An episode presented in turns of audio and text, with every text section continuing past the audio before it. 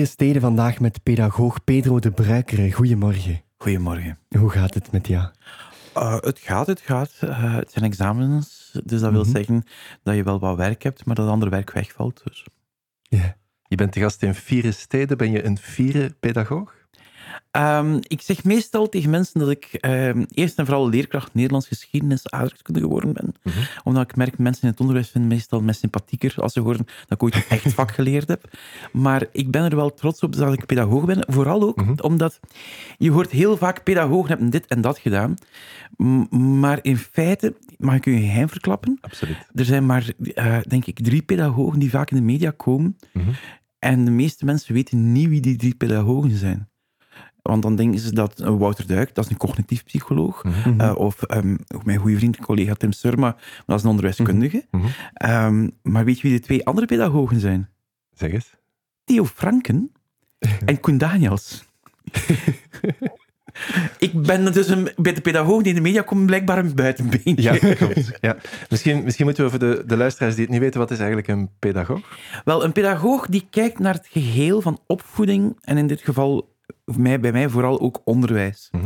Eh, dan gaan we niet enkel gaan kijken naar de didactiek van hoe geef je les, maar ga je ook gaan kijken van ja, waarom geef je les? Of waarom komen deze onderwerpen aan bod?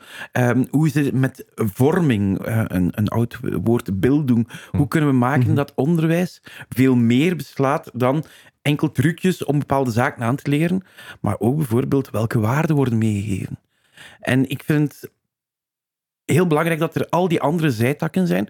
Maar voor mij dan, persoonlijk, is een, een pedagoog die ook het brede probeert te bekijken. Die al die verschillende takken... Ik, ik, volg de cognitieve psychologie, ik volg de onderwijskunde mm, en nog veel andere. Maar die dan dat ook proberen dat overzicht te houden.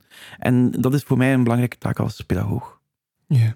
Je zei het daar, eh, daar straks, je geeft ook les op de Artevelde Hogeschool. Wat geef je daar? Ik geef daar een stuk ehm, ontwikkelings- en cognitieve psychologie. Ik geef daar een vak dat het meest uitdagend is voor de studenten soms, maar ik vind het nog altijd wel boeiend. Dat is alles dat te maken heeft met onderwijsrecht en Mhm. eh, onderwijsbeleid. En didactiek natuurlijk. Ja. Je bent, je bent pedagoog, eh, je bent constant bezig met, eh, met onderwijs. Is dat niet een beetje een, een verzuurd beroep aan het worden, gezien de actualiteit? Ehm, durf je nog zeggen... Ik, ik, ik vind het belangrijk dat ik het nog meer zeg dan ooit, hoe mooi het beroep van leerkracht is en hoe mooi het lesgeven is en het begeleiden van, in mijn geval vooral jongeren, alhoewel ik ook af en toe nog met jonger werk, maar Mhm. ehm, het is voor mij nog altijd een van de mooiste beroepen ter wereld. En dat meen ik, en dat zeg ik niet enkel maar omdat het goed klinkt en het is een leuke quote, maar nee, ik bedoel, ehm, ik ben, weet je op wie dat ik heel jaloers ben zelf? Mhm. Ik wou in feite, ik ben, ben regent van opleiding. Ik wou onderwijzer worden totdat ik ontdekte dat ik, dan ook, dat ik dan ook sport moet kunnen geven. En dat leek me echt geen goed idee. ik heb echt in het aanschuiven voor het inschrijven veranderd daarom. Ik bedoel, echt waar. Omwille van sport. Eh, vooral onmogelijkheid tot. Eh, maar ik ben heel erg jaloers op onderwijzers en onderwijshuizen. Waarom? Omdat het wonder van een eerste gelezen zin. Ik bedoel, Ik kan af en toe wel een keer bij mijn studenten zo een aha-erlevenis zien. Oké, dat is tof. En dan denk je van, ik heb bij die student iets bereikt. Maar gewoon een wereld laten opengaan voor kinderen Ja. ik snap niet dat, nog meer, dat niet meer mensen dat willen doen, want dat is zo een cadeau dat je geeft, maar daardoor ook krijgt. Ik vind dat fantastisch. Ja.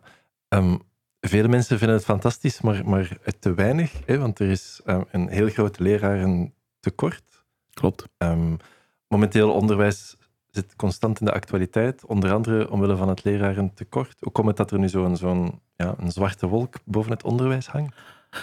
Goh, dat is- we, we maken in feite een stuk een perfecte storm mee. Mhm. Ehm, enerzijds hebben we een lerarentekort, maar dat lerarentekort is niet typisch Vlaams. Eh, in Nederland heeft men nog een groter lerarentekort. Als we gaan kijken, ik kan nu alle landen opnoemen, maar je mag ervan uitgaan dat uitzondering niet te nagesproken, bijvoorbeeld Estland is een Mhm. uitzondering, ehm, dat er op dit moment wereldwijd een tekort is aan leerkrachten. Dat is één. Ten tweede, ik weet niet of je het al gemerkt hebt, maar we hebben van alles tekort. We hebben mensen in de zorg tekort. We hebben ehm, treinbegeleiders tekort, waardoor dat er nu minder treinen rijden. Ja. Het is dus niet enkel meer, we hebben een tekort aan leraren, we hebben door vergrijzing, door ontgroening, hebben wij een algemeen tekort. Dat is een gegeven. Maar tegelijkertijd krijg je dan in onderwijs bijvoorbeeld een negatieve spiraal. Wat bedoel ik daarmee? Ehm, doordat er meer leerkrachten tekort zijn, ja, de leerkrachten die er zijn, die moeten nog harder werken. Uh, we merken, we hebben dat bevraagd via onze app TeacherTap, waarmee dat we met de Artelde Hogeschool dagelijks uh, leerkrachten bevragen. Uh, zij krijgen grotere klassen, ze werken opvallend meer uren, omdat ze invallen. Mhm. de sfeer onder collega's, 47% gaf aan dat door het lerarentekort de onderlinge sfeer echt onder druk komt te staan. Waardoor de job ook minder aantrekkelijk wordt.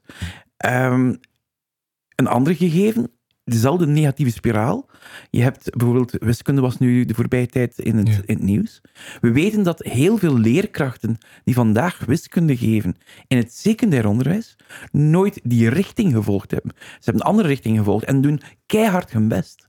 Voor alle duidelijkheid. Maar als jij leerlingen wil warm maken voor het beroep van uh, leerkracht, bijvoorbeeld leerkracht wiskunde, of het mhm. probleem dat we nu heel erg zien, taalleerkrachten. Mhm. Um, maar je bent zelf niet als leerkracht iemand die dit met veel enthousiasme ooit gevolgd hebt, dan ver, verminder je de kans. Ze doen terug goed hun best, maar je vermindert je kans dat die leerlingen ook gemotiveerd worden om dit te studeren, waardoor dat we misschien binnenkort nog meer leerkrachten meer tekort hebben.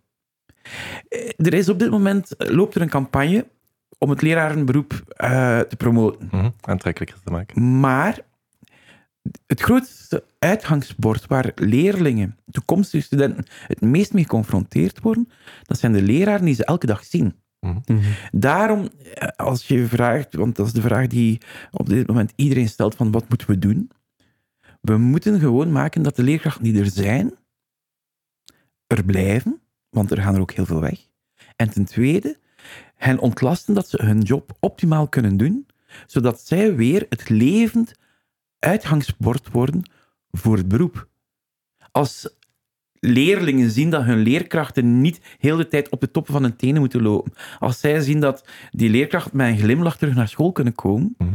en ze kunnen zien, ik leer hier iets bij, dat zal veel meer effect hebben dan een spotje van 30 seconden op mhm. YouTube. Ja. Je spreekt van een negatieve spiraal, dus eigenlijk zie je de toekomst nog somberder in. Ik vermoed, en, en uh, u, u, kan dit opslaan en dan uh, binnen drie jaar ongelooflijk met mij lachen. Oké. Okay. Zullen we doen? ja, nee, ik geef u een tip. um, ik vermoed dat we nog niet op de bodem zitten. Um, ik denk dat we eind dit jaar nog echt slecht nieuws gaan krijgen. Ik denk dat we volgend jaar, op het einde van het jaar, dan komt PISA uit. Ik denk dat we ten opzichte van onszelf achteruit zullen gaan, maar dat we tegen elkaar gaan zeggen van het valt nog mee, want de anderen zijn meer achteruit gegaan. Mhm. En hoe denkt u dat ik dat weet? Ik, bedoel, ik heb geen glazen bol, voor alle duidelijkheid. Mhm. Maar wij zijn een van de regio's waar de scholen het minst dicht geweest zijn. Er zijn scholen, er zijn regio's, landen waar dat, uh, de, de scholen tot twee jaar toe dicht geweest zijn. Dus die gaan op internationale vergelijking nog veel mhm. meer zakken dan, dan wij gedaan hebben. Mhm. Dus we gaan tegenover onszelf zakken, maar joepie, de rest doet het slechter. Mhm. Dat was cynisch, vooral duidelijkheid. maar ik heb hoop. En dat, dat meen ik nu echt. Ik merk dat er bij leerkrachten, zowel in het basisonderwijs als in het secundair onderwijs, dat er een soort van switch gekomen is. Um, Denk je echt dat als leerkrachten horen dat de basisvaardigheden niet in orde zijn, dat leerkrachten dan zeggen van, ja, dat is mijn probleem niet? Ik bedoel, leerkrachten zijn ontzettend verantwoordelijke mhm. mensen. Ik bedoel, er kwam in de krant dat uh, het lerarenberoep een van de beroepen is met de hoogste kans op burn-out. Mhm. Hoe komt dit? Dat komt gewoon vanuit, onder andere, een enorm verantwoordelijkheidsgevoel. En wat merken we? We merken dat uh, heel veel scholen, heel veel individuele leerkrachten echt op zoek zijn naar effectieve methodes om het beter te maken. Maar het effect van die kentering, want ik vermoed dat bij veel mensen die kentering echt al ingezet is, maar die merk je maar zes, zeven jaar later, te vroegste. Mhm. Dus ik vermoed dat we na die slechte PISA-ronde, ehm, dat we misschien eventjes op een soort van plateau in de diepte blijven. Maar ik denk dat we gaan verbeteren. Ik ben het vrij zeker. Uh, het leraartekort kan daar nog altijd ongelooflijk goed in het eten gooien. En komt er weer een gigantische corona-golf aan die we niet hebben zien aankomen. Vergeet dan alles wat ik gezegd heb. Ik ben me nu aan het intekken. maar die hoop is er bij mij echt wel. Uh, voor de politici die luisteren, wilt u ongelooflijk populair zijn, uh, word de volgende minister van Onderwijs. Hè? Want dan kan je zeggen van, kijk wat, hoe goed dat ik het gedaan heb. Terwijl dat in feite een, een, verhaal is dat veel eerder begonnen is. Ja. Um, je hebt, je hebt een, een stem in de wereld en mensen luisteren naar, naar jou. Je wordt gevraagd in, in programma's. Maar ik heb een beetje de indruk, als je net vertelde over, over de leerkrachten in het secundair onderwijs, dat dat de leerkrachten zijn die toekomstige leerkrachten zien. Um, ik heb de indruk dat, dat de minister van Onderwijs nog niet echt geluisterd heeft naar u dan. Um, Word je uitgenodigd? Ik heb een rol gespeeld, eh, en dat weten sommige mensen wel, omdat het ook in de media gekomen is. Ik heb een rol mhm. gespeeld tijdens corona, samen met andere experts, om te adviseren. Um, en dat was advies. En als je advies geeft, ik ben dan niet de baas. Mhm. Ik bedoel, ehm, ik zou zelf geen minister van Onderwijs willen zijn, om, omdat het een ongelooflijk verpletterende verantwoordelijkheid is. Ik bedoel, ik heb de luxe. Ik kan zeggen van de wetenschap zegt dit, de mhm. wetenschap zegt dat. Dat zijn de voor- en de nadelen. En dan kies maar.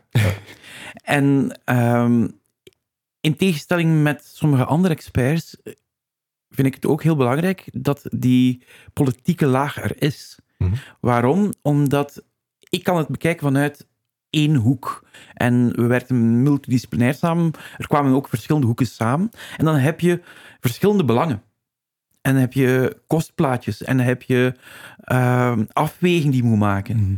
En als ik alleen alles voor het zeggen zou hebben, ehm, ja, dan zou ik misschien alles kunnen doorvoeren, maar dan zouden misschien andere problemen ontstaan waar ik minder kaas van gegeten heb.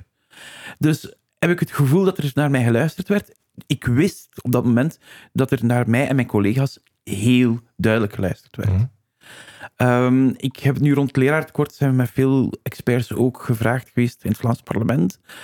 Uh, ik weet dat wat ik doe en wat mijn collega's doen, dat dit wel gevolgd wordt.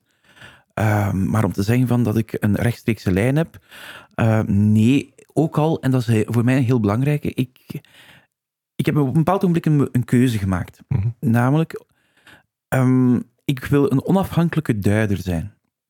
Ik heb veel bewondering voor iemand als bijvoorbeeld Orhan Agirdag, professor mm -hmm. professor Duik. Die, ik noem nu twee uitersten. Mhm. Waarom? Omdat die allebei een hele duidelijke visie en mening hebben. Vind ik het belangrijk dat die mensen er zijn? Ja.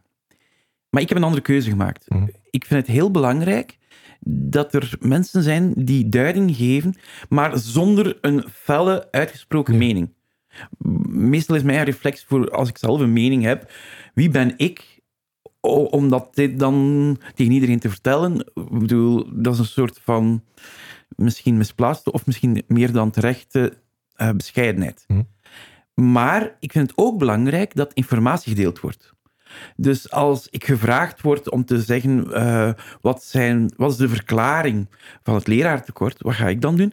Ik ga proberen een overzicht te geven, hm. niet van wat ik denk, maar wat komt in de literatuur als mogelijke verklaring voor? Mhm. Zodat je op dat moment een, een informerende functie hebt. Ik heb daarnet gezegd dat ik hoopvol ben, maar ik heb dan echt expliciet gemaakt, één, waarom ik het zeg, en dat het maar ik ben die het zegt. En ik heb er nog een grap bij gemaakt van, je kan mij binnen drie jaar controleren en eh, eh, dan met mij lachen. Ja, je spreekt over, over het, dieptepunt is misschien nog niet bereikt. Als je nu heel kort kijkt naar volgend schooljaar, wat gaan de grootste uitdagingen zijn? Uh, leraartekort op mm één. Ja, Dat is, daarvoor heb je geen glazen bol meer mhm. nodig. Dat is, um, ik ik weet dat veel scholen echt wel nu voorbereid zijn. Moest er opnieuw eh, een, een vermindering van schooluren komen door mhm. corona. daar maak ik mij relatief minder zorgen in. Mhm. Ehm, het thema volgend jaar zal wellicht de aankomende Vlaamse toetsen zijn. Mhm. Ja. eh, die ingevoerd worden vanaf 2023. Ehm, je hoort daar nu nog heel weinig over. Maar ja, dit komt eraan en we beseffen dit niet. Maar dat is wellicht de grootste verandering in de voorbije 40 jaar van het Vlaams onderwijs. Mhm. Om, we hebben het altijd wel over eindtermen. En je had het M-decreet en dat zijn echt grote veranderingen. Maar terwijl dat waarschijnlijk die Vlaamse toetsen een kleine verandering zijn, weten we als we kijken naar het buitenland dat mensen zich na een tijdje echt op die toetsen gaan richten. Eh, sommigen vinden dat een voordeel, sommigen vinden dat nadeel, teaching to the test. Ja, nu ben ik weer aan de, de, de verschillende kanten aan het vertellen. Ehm, de, het antwoord van de mensen die voor teaching to the test zijn, zeggen van als de test goed is, dan meet je wat ze moeten kunnen. Dus ja, teaching to the test, als ze het kunnen, perfect. Ja.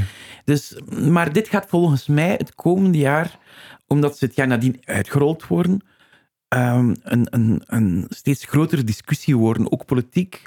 Eh, en dit wordt allemaal gevoed door iets, en behalve als tussen de opname van deze uitzending en de uitzending, ja, nu moet ik echt een slag onder de arm nemen. Er hangt een, een groot zwaard van Damocles boven het onderwijs. Mhm. Namelijk eh, het Grondwettelijk Hof, die een uitspraak moet doen over de eindtermen in de tweede en derde graad. Mhm. Ehm, ik denk niet dat het deze week zal zijn tussen de opname Ja, en, en de uitzending, ja? Ehm, maar er is een vermoeden. eh, ik hoor waaien dat het misschien nog voor het einde van het schooljaar zou zijn. En anders zeker het volgende schooljaar. Ja. Ja. Maar Misschien voor de mensen die, die niet weten waarover het exact gaat. Ja. Eh, er zijn nieuwe eindtermen ingevoerd in het secundair onderwijs. Ehm, eerste graad is al een tijdje geleden ingevoerd, samen met de modernisering. Ehm, dan kwam de tweede en derde graad in één pakket. Maar eh, het katholiek onderwijs, scholen van het katholiek onderwijs, zijn naar het grondwettelijk hof gegaan om die minimumdoelen aan te vechten. Om te, met, de, met de stelling dat het geen minimumdoelen zijn, maar in feite maximumdoelen. Ik heb het nu veel te kort door de bocht Mhm, samengevat, maar anders wordt het een hele saaie podcast, denk ik, of uitzending. Maar waarover gaat deze discussie? Deze discussie gaat in feite over wie is er baas in ons onderwijs. Mhm. Als het eh, grondwettelijk hof, want dit is aangespannen voor het grondwettelijk hof, omdat het in botsing komt met de vrijheid van het onderwijs die in de grondwet staat. Mhm. Ehm, als het grondwettelijk hof zegt dat het katholiek onderwijs gelijk heeft, ja, dan bestaan in feite de eindtermen van de tweede en derde graad op die manier niet meer. Moet men terug rond tafel. Maar dan is het ook een duidelijk standpunt eh, van beste minister, u bent uw boekje te buiten gegaan. En dan Ja. zie je dat de macht meer bij koepels en netten bij scholen gaat liggen. Als de minister en de politiek bij uitbreiding gelijk krijgt, ja, dan gaat de macht van koepels en netten echt onder druk staan. En dan, eh, er wordt nu gewerkt, het staat een beetje on hold, maar er wordt gewerkt aan de eindtermen van het basisonderwijs. Mhm. Maar hoe die er gaan uitzien, dat gaat ongelooflijk beïnvloed worden door die uitspraak van het grondwettelijk hof, maar ook die machtsverhoudingen over het Vlaamse onderwijs, die worden de komende maanden echt beslecht. Mhm. Spannend. Ik weet het, ik neem daar meestal popcorn bij. En... dat laatste was geen waar, maar, maar, maar ja, voor mij, die twee dossiers, die, die centrale toetsen en die machtsverhoudingen, Mhm. dat zijn zaken waar dat leerkrachten misschien op het moment zelf denken van, oh, dat is ver van mijn bed. Maar ik weet dat die twee elementen net de job van die leerkracht ongelooflijk hard gaan beïnvloeden. Ik vind het bijna jammer dat die discussie zo weinig leeft. Mhm. Maar ik denk dat dat komend jaar anders zal worden als het steeds dichterbij komt. Ja, vind je dat dan ook belangrijk dat ja, eh, studenten en toekomstig leerkrachten daar actief mee bezig zijn? Eh, is een moeten van mij, ja. Ja. Ja, nee, ik bedoel, dergelijke dingen zitten, bespreken we ook in de Mhm. opleiding. Ik zei daarnet dat een van mijn vakken onderwijsbeleid is. Ja. Ja, dus daar komt het eind aan bod. En, en ik probeer hen ook ehm, echt het belang daarvan te laten aanvoelen. En ik denk dat bij een meerderheid dit ook wel lukt. En ik denk ook, eh, ik maak er meestal een grap van, ehm, je moet proberen op het einde van de rit te raden wat mijn politiek of ander standpunt is. Ja. En meestal weten ze dit dus echt niet. En dan weet ik dat ik het goed gedaan heb, want terug, het is niet mijn mening die belangrijk is. Mhm. Eventjes terug naar de, de actualiteit. Hè. Mensen op dit moment denken dat jonge kinderen niet meer kunnen tellen en 1 plus 2 eh, optellen. Klopt dit? Nee, dit klopt niet, maar er zijn veel andere dingen die ze niet zo goed kunnen. Mhm. En vooral ook, we merken dat eh, leerlingen met ehm, bepaalde achtergrondkenmerken, eh, meisje, Mhm. Spijtig genoeg, dat is niet aangeboren, we weten dat dat niet hoeft, Eh, maar meisjes is- voor wiskunde presteren minder dan jongens. Eh, we merken, ja, nee, ja, En hoe komt dat? eh goeie vraag. Ja. Ja, nee, eh, ik denk een, een, een, een vermoeden, eh, als ik kijk naar Nederlands onderzoek, kan zijn dat hier corona wel een rol gespeeld heeft. Mhm. Eh, dat daar een stuk structuur weggevallen is en dergelijke. Eh, en we merken dat bijvoorbeeld in Nederlands onderzoek van Thijs Bol, maar dat is een vaststelling, dat is niet een verklaring, maar een vaststelling, dat meisjes meer moesten geholpen worden, of meer geholpen werden door ouders en jongens. Eh, het kan zijn dat jongens meer met die zelfstandigheid om kunnen gaan. Geen flauw idee, ik bedoel, dat zijn allemaal hypotheses, Mhm. maar die heel moeilijk te onderzoeken zijn. We merken dat anderstaligen, eh, we merken dat lage sociaal-economische status, kinderen uit een gezin met lage sociaal-economische status, dat daar die verschillen weer groter geworden zijn. Ehm, maar 1 plus 1, dat lukt, en dat is allemaal geen ding. Maar ik wil wel even erop iets wijzen Mhm. waar mensen misschien minder bij stilstaan. Ehm, als we kijken naar de laatste PISA-resultaten, 1 op 5 Vlaamse 15-jarigen dreng- de- dreigt het Vlaamse onderwijs te verlaten als functioneel analfabeet. Laat dat even doorcijpelen. 1 op 5, die kan wel technisch lezen, die kan dus de, Mhm. het lezen van 1 plus 1 van rekenen, ze Ja. kunnen technisch lezen, maar kunnen niet handelen op basis van wat ze gelezen hebben. Hmm. Die kunnen bijvoorbeeld wel eh, eh, een, een veiligheidspamflet van, als ze, als ze werken, van waar moet ik op letten. Die kunnen dat technisch lezen, maar op basis waarvan niet handelen. Ik vind dit schrikbarend. Mhm. Het kan erger in Nederland, is het 1 of 4, maar toch, dit is iets...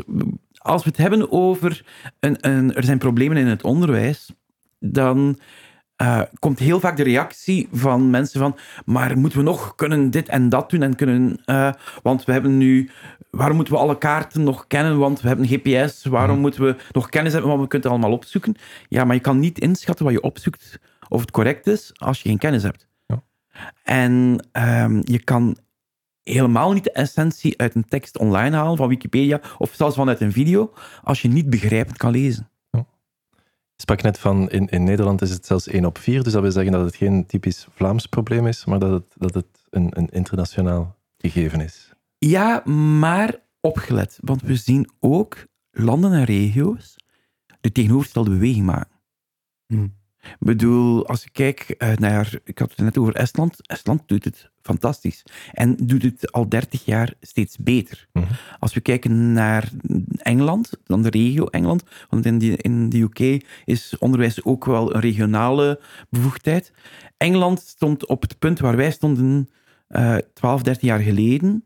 Ehm, wacht, ik ga het eh, correct zijn. Engeland staat nu op de plaats waar wij staan, stonden 12, 13 jaar geleden, terwijl zij toen stonden waar we nu staan. Ja. Dus ze hebben echt complete tegenovergestelde beweging gedaan. Dus het is wel degelijk mogelijk. Want soms hoor je bijvoorbeeld, ja, ze lezen niet meer en ze rekenen niet meer door technologie.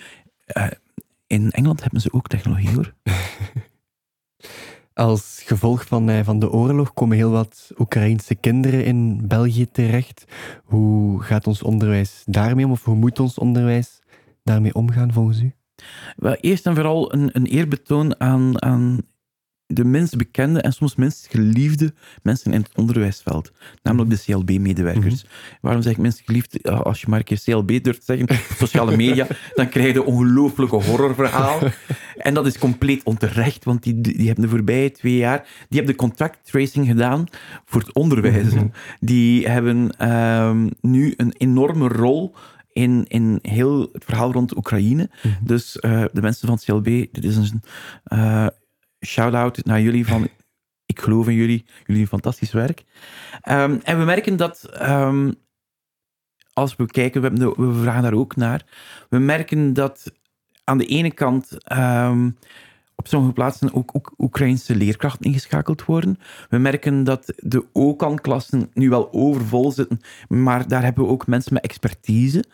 We, we merken internationaal heel interessant materiaal. Uh, bijvoorbeeld de Britse Oak Academy, die heeft heel hun lesmateriaal die ze gemaakt hadden tijdens de coronacrisis voor de Britse school, die hebben ze nu ook allemaal vertaald naar het Oekraïens.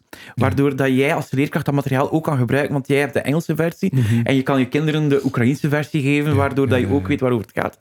Dus ik zie een, een hele mooie mobilisatie. We hebben eh, ook wel de voorbije twee weken gevraagd, ook naar aanleiding van wat er in Leuven gebeurd is, of ze op school, de leerkrachten, ook al negatieve reacties bij leerlingen ervaren hebben. En 5% heeft dat gemerkt. Ik vind dat veel. Mhm. Het is niet on- onlogisch, want we weten uit eerder onderzoek van ehm, het jeugdonderzoeksplatform dat bijvoorbeeld ehm, de, ehm, het racisme naar Turks-Marokkaanse leerlingen verminderd is. Mhm. Dat is een, een goed nieuwsbericht dat compleet genegeerd Mhm. geweest is. Maar we merken dat die verdraagzaamheid verbeterd is, maar een stukje ook omdat er een, een soort van gemeenschappelijke racisme ontstaan is naar eh, Oost-Europeaan. Dus het is verschoven. Het is een, stukje verschoven Ja. en eh, twee gemeens- eh, een gemeenschappelijke vijand maakt vrienden. Ik bedoel, Mhm. het is niet helemaal, het is natuurlijk weer echt veel complexer dan dat. Dus het verbaast mij niet helemaal. En je hebt ook altijd jongeren eh, die experimenteren eh, en, en, en, en straffe meningen durven innemen, gewoon om, om zichzelf een keer een positie te geven. Maar ik vind die 5% eh, pesten of negatief reageren op kinderen die het nu echt wel niet makkelijk hebben, dat, dat is ook wel een aandachtspunt waard. Ja, we hadden hier een tijdje geleden de, de schepen van onderwijs. ehm, De nieuwe of de oude? de oude ehm, in, in de uitzending. En zij sprak als, als een van de uitdagingen de segregatie van het onderwijs. Ben je akkoord? Ehm, ik ben akkoord, maar dan is het vaak een verhaal van het secundair onderwijs. Mhm. Ik bedoel, heel vaak zitten, uitzonderingen niet nagesproken, zit je met een heel divers publiek in de lagere school samen. Eh, in bepaalde scholen, in sommige methodescholen is dat minder, maar ook niet in allemaal. Er zit daar nogal verschil op. De segregatie speelt daar iets minder. Mhm. Als we het hebben over het secundair onderwijs, door de keuzes die gemaakt worden, dan merk je, eh, je moet vrij vroeg een keuze maken. Ja, dan merk je dat daar wel meer segregatie kan opduiken. Mhm. We weten dat elkaar ontmoeten voor elkaar te begrijpen, dat dit wel een belangrijke rol kan zijn. Maar het botst ook op, op iets anders, namelijk vrijheid van onderwijs. Ik ken ook voorbeelden, niet in Gent, maar voorbeelden van scholen die bijvoorbeeld heel actief op wilden werken tegen segregatie, Mhm. maar gewoon geen leerlingen binnenkregen. Mhm. Eh, zowel in de richting van sommige scholen vinden dan geen tussen witte kinderen of blanke kinderen naar gelang uw politieke overtuiging, wat dat elk woord hij wil gebruiken. En anderen vinden dan geen eh, leerlingen met bepaalde kenmerken. En in, in segregatie bestaat. Ik weet dat sommige scholen, ik ga nu echt in, in de wereld, ik ga het zo Mhm. openhouden omdat ik niemand wil viseren, ehm, dat omarmen. Mhm. Maar ik weet ook heel veel scholen die daar echt werk van maken, maar ook niet altijd kunnen. Om verschillende redenen. Ja. Even eh, het onderwijs laten liggen, want je bent ook muzikant en producer. Hoe is dat ooit begonnen? Ehm, hoe is dat ooit begonnen? Oh ja, in feite mijn leraar van het tweede leerjaar. Oké. Maar wacht, wacht, dat moet ik vertellen, want het is niet dat... eh, De, de man heeft op twee manieren meester Frank, niet van dat liedje van Comilfo. Een andere meester Een andere Frank, meester. Frank, ja. Ehm, die in het tweede leerjaar heeft hij... Hij was degene die gitaar speelde. Mhm. En dat heeft verstrekkende gevolgen gehad. Ehm, ik, ik ben nog altijd verslaafd aan gitaren. Ik ben die man wel dankbaar. Mijn vrouw wat minder op dat vlak. Eh, want die verslaving dan neemt veel plaats. Mhm. Ehm, en ik ben... Ik wou liedjes... Ik had al, al van jongs af aan liedjes in mijn hoofd. En ik ben leren gitaar spelen niet zozeer omdat ik gitarist wou worden, maar omdat ik de liedjes uit mijn hoofd in de wereld wou. Mhm. En ik hoefde die niet zelf te zingen. Ik hoef, dat was voor mij allemaal niet zo belangrijk. Maar die liedjes wou ik. En ik wou ik uit mijn hoofd. En ik heb leren gitaar spelen daarvoor. Eh, het heeft ook heel lang geduurd voordat dat ik durfde aanvaarden dat ik gitarist ben. Omdat eh, voor mij gitaar spelen een andere reden had. Ja. En eh, op een bepaald ogenblik, ik denk dat ik 19 jaar was, 19 of 20. Uh, ik ben een vrij late roeping. Mhm. Ik heb op mijn 100 dagen dan mijn tweede gitaar gekocht en vanaf Mhm. toen elke dag drie uur geoefend. Elke dag drie uur. Ehm, ik heb dat voor vijf jaar gedaan, ja. Weet, je waarom? Omdat ik ook door had dat ik geen talent had.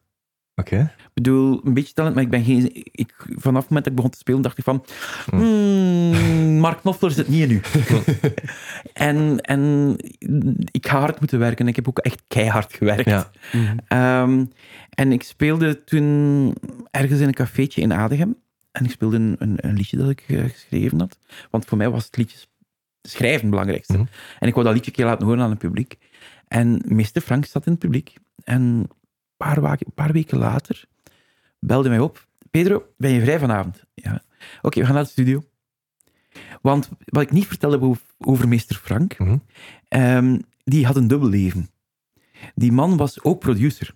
Ehm, van eh, Petra in der tijd. Van alles wat dat uit de stal van Adrien van Landschot kwam. Ja. Hij speelde dat in en produceerde dat. En met eh, het geld dat hij verdiende, eh, huurde hij studiotijd voor zichzelf, Ja. voor de fun. En hij zei van, je hebt daar dat liedje gespeeld. Ehm, ik heb een studio geboekt vanavond.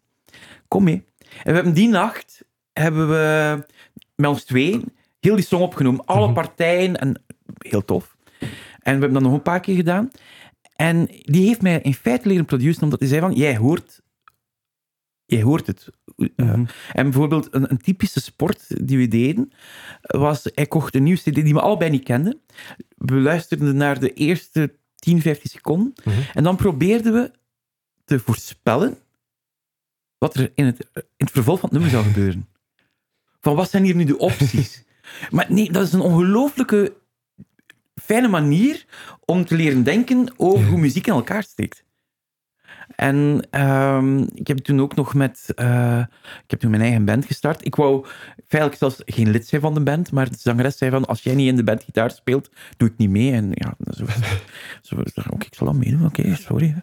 Ehm, en meer en meer ook eh, Herman Temmerman, H.G. Roberts, die ons toen produceerde, onze Mhm. demos, die ook zei van, ja, maar je hebt hier wel aanleg voor. Mhm. En na een tijdje eh, heb ik andere mensen geproduceerd. En eh, nu de laatste jaren vooral Augustijn, eh, Mhm. die in het West-Vlaams zingt, zoals een minder bekend familielid van hem. Mhm. Ja, dat was een flauw grap, maar... Ehm, en ja, dat blijft, dat blijft wel werken. Ehm, en iets dat, iets dat weinig mensen weten, ik heb een kleine, kleine primeur. Mhm. Ehm, wat ik ook al jaren doe voor een goede vriend, ehm, die is filmcomponist en maakt eh, muziek voor tv-series Mhm. en films en kortfilms, tekenfilmseries.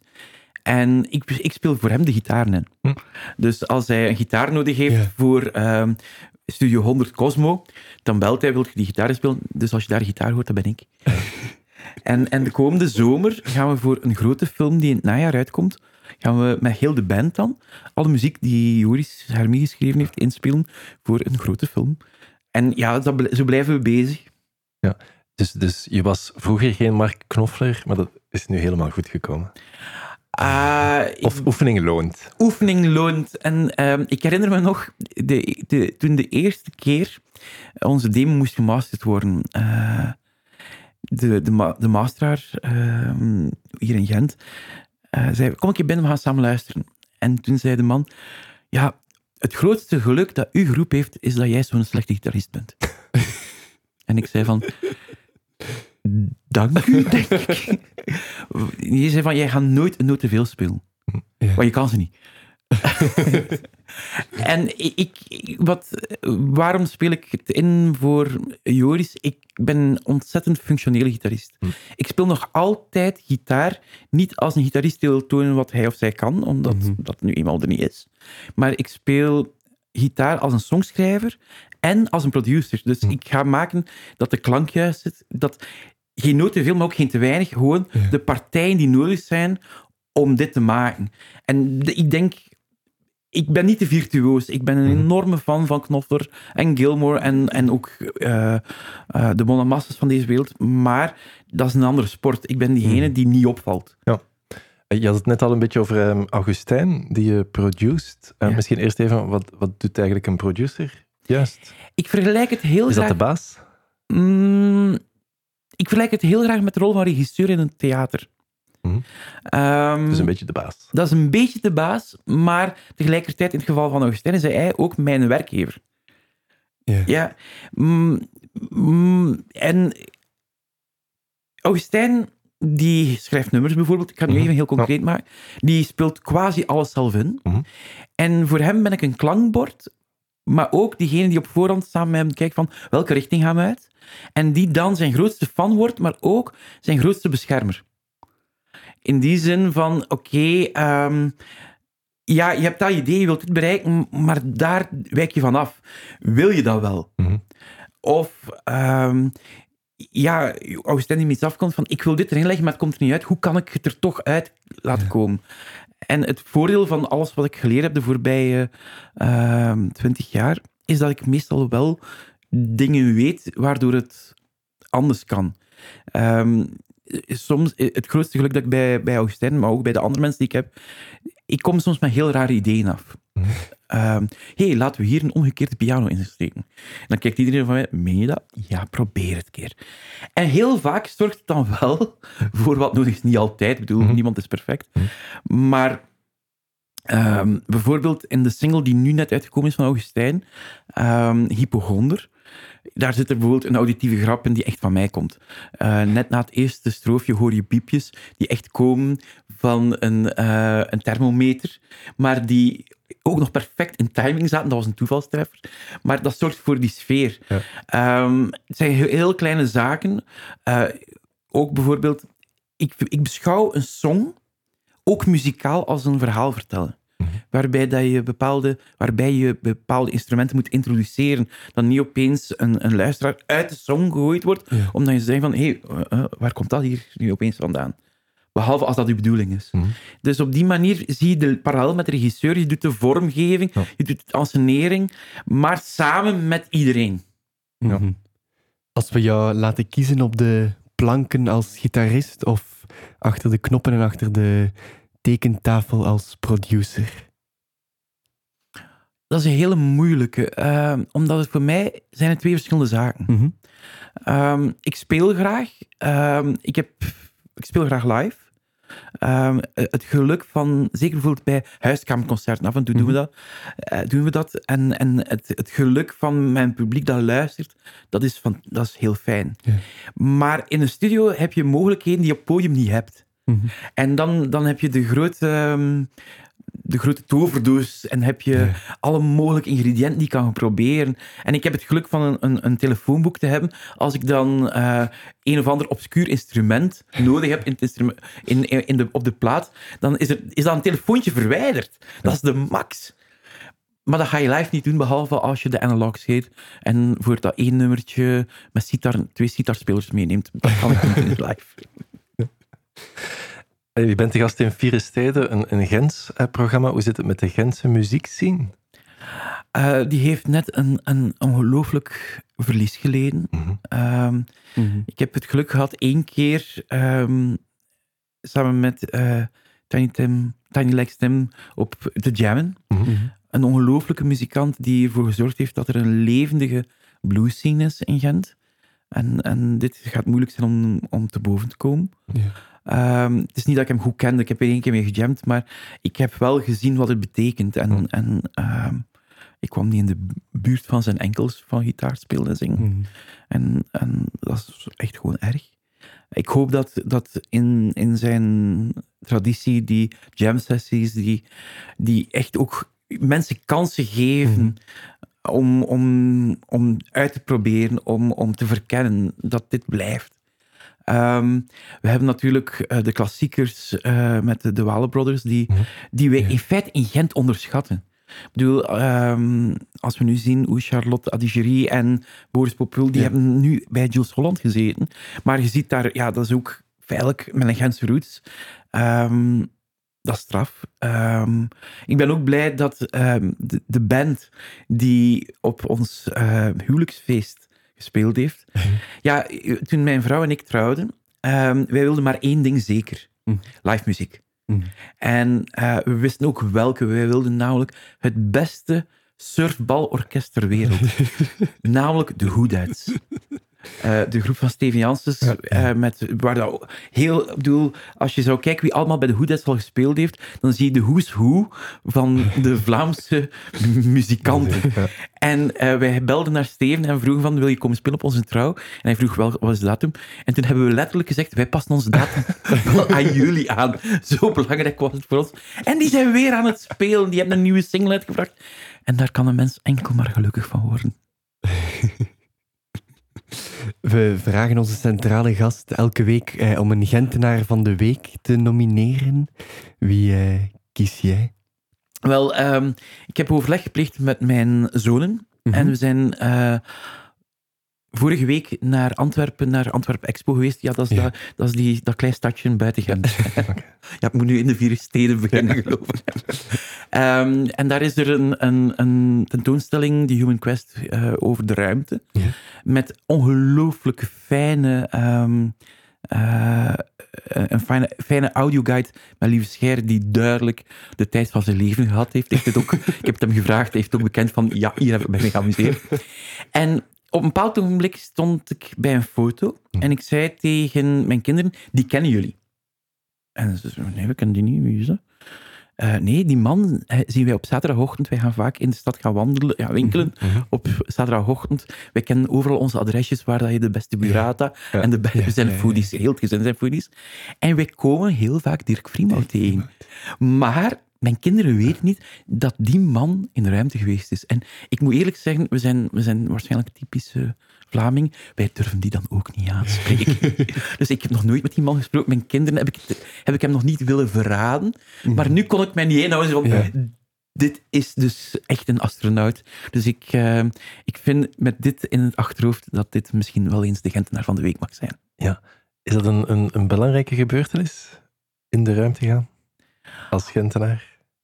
Eh, ik denk dat voor elke mens wel. Ik bedoel, eh, vandaag wordt het een beetje, eh, een klein beetje gewoner als je multimiljonair bent en, Mhm. en Elon Musk even kan bellen of twitteren van Elon, ik wil even naar de ruimte. Oké, heb je geld? Ik bedoel, het kan nu wel, een Ja. stuk. Maar dit zijn de ontdekkingsreizigers van onze tijd. Mhm. Zij zijn diegenen die.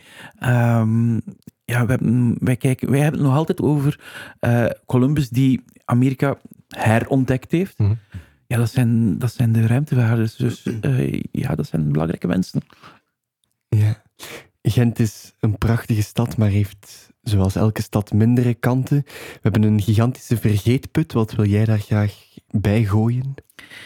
Met het gevaar dat ik er zelf een stukje daardoor in kom, Mhm. gentrificatie. Ik weet niet of je dat concept kent. Leg uit. Uh, gentrificatie is een. Neem een buurt. Ik zal een fictieve buurt nemen, de Antwerpse Poort. Ja. Eh, het is een fictieve buurt. Hè. Ehm, waarbij, omdat alles heel duur wordt, Mhm. ehm, daar zijn de huizen nog een beetje betaalbaar voor jonge gezinnen. Mhm. Waardoor dat meer en meer jonge gezinnen naar die Antwerpse Poort trekken. Waardoor dat de prijzen ook al beginnen stijgen. Ja. Maar ook een stuk de, de mensen die daar al wonen, weggeduwd worden. En dan bijvoorbeeld, ehm, er is onderzoek gebeurd naar die fictieve Antwerpse poort. Iets heel onschuldigs. Speelstraten. Mhm. Klinkt goed. Mhm. En voor die jonge gezinnen die daar komen, heel belangrijk. Oké, dat ze misschien een paar straten verder een parkje hebben waar ze niet genoeg vertrouwen in hebben voor hun kinderen, omdat het te ver is en het verkeer. Oké. Ehm, maar voor die taxichauffeur die in die straat woont, heeft dat een enorme negatieve impact. Waardoor dat die, die taxichauffeur een stukje uit de buurt geduwd wordt. Dat is die gentrificatie. En wat hier gebeurt, is alles met goede bedoelingen.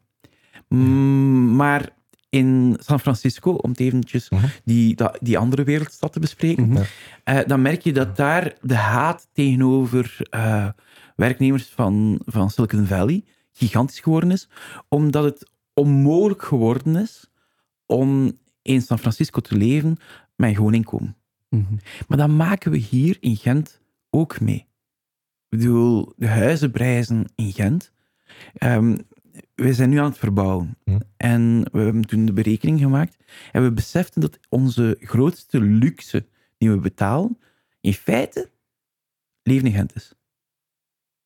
En we hebben echt moeten kijken van, ja, ik bedoel, voor het geld dat op dit moment ons huis waard is, kunnen wij Mhm. echt wel een fantastisch een fantastische villa kopen ergens anders, maar we vinden dat niet zo belangrijk, dus we zijn in Gent gebleven. Maar wat merk je nu? Ehm, er zijn heel veel verbeterprojecten in onze stad. Mhm. Maar het gevaar dat we daardoor de stad, vooral een deel van de stad, van de populatie van de Mhm. stad verliezen, die weggeduwd worden Ja. naar de buitenrand, die, die nu in, in, in, in Oostende terechtkomen, omdat dat zo de laatste stad is voor, dat je nog naartoe kan. Mhm. Ehm, dat is iets waar, waar ik vind dat er relatief weinig aandacht naar is. Ehm, maar ik, ik denk, als we Gent-Gent willen houden eh, en niet een soort van Amsterdam, dat wel heel mooi is voor iedereen, maar dan toch blijkbaar niet voor iedereen. Mhm. Ik denk dat dat een grote uitdaging wordt. We gaan ervan uit dat het, het Schepencollege en de burgemeester luisteren natuurlijk naar Vieren Steden. Hallo. Voilà. Wat zou dan eh, jouw suggestie zijn? Wel, ik, ik denk dat het heel belangrijk is om ehm, genoeg sociale woningen. Mhm. Ehm, en ik weet dat dit eh, vaak de bedoeling is, maar ik weet ook dat er in Gent op dat vlak nog heel veel te doen is. Ehm, ook respect hebben voor, voor maatschappelijk weefsel. Als we kijken wat op het eiland Malem gebeurt. Mhm. ehm, goed bedoeld wordt daar alles opgeknapt, maar tegelijkertijd wordt iets kapot gemaakt. Mhm. En ik denk dat aandacht hebben voor dat kapotmaken, dat respecteren dat je een, een weefsel die een stad vormt, Hm. niet breekt. Eh, ook al zijn het misschien niet de mensen die op u stemmen, of misschien zijn het ook wel niet de mensen die jij tegenkomt als je op eh, café gaat, of naar Hm. theater gaat, of naar een concert gaat. Maar die mensen zijn, zijn soms hier al langer dan jij. En, en die, die Hm. hebben hier ook recht op die plek. Daar Ja. aandacht voor aan besteden. Ongetwijfeld doen ze dat al, maar er kan altijd een tandje bij. Alles kan altijd beter. Het mag nog iets meer zijn. Ja. Pedro, wat is voor jou de mooiste plek in Gent? Ehm, ja, ik zou zeggen eh, Home Sweet Home. Mhm. Ehm, maar ik, ik heb hele mooie momenten meegemaakt in de vooruit. Eh, en ik Ja. zeg bewust de vooruit. Eh, het gebouw namelijk, het gebouw. Ehm, Zijn dat dan concerten waar je naartoe bent geweest als jongere? Of Oh, en nog zelf steeds. Ik heb, zelf, ik heb ooit het geluk gehad eh, van in de vooruit eh, al een paar keer te spelen. Mhm. Ik heb eh, ooit samen met mijn band Blue and Broke hebben we het voorprogramma van Marianne Faithful gedaan. Right. Ja. ehm, de eerste keer, want we hebben tien jaar dan stilgelegen, de eerste keer dat we in volle bezetting ehm, Mhm. terug op, opgetreden hebben, was ook in de vooruit tijdens een boekvoorstelling. Dat was ook. Ehm, maar ik heb ook ik heb ooit Sheryl Crow ontmoet in de vooruit. Ontmoet. Eh wat, ze heeft een handtekening gegeven en ik heb gestameld van dank u. Ik, bedoel, ik wil het niet groter maken dan dat. En ik heb aan een bekende radiomaakster dan die poster gegeven die ik hoop dat ze nog altijd heeft. Eh, maar dit gezegd zijnde, ehm, maar ik hou ook van de architectuur. Ehm, Mhm. als, je, als je kan, volg een rondleiding in de vooruit.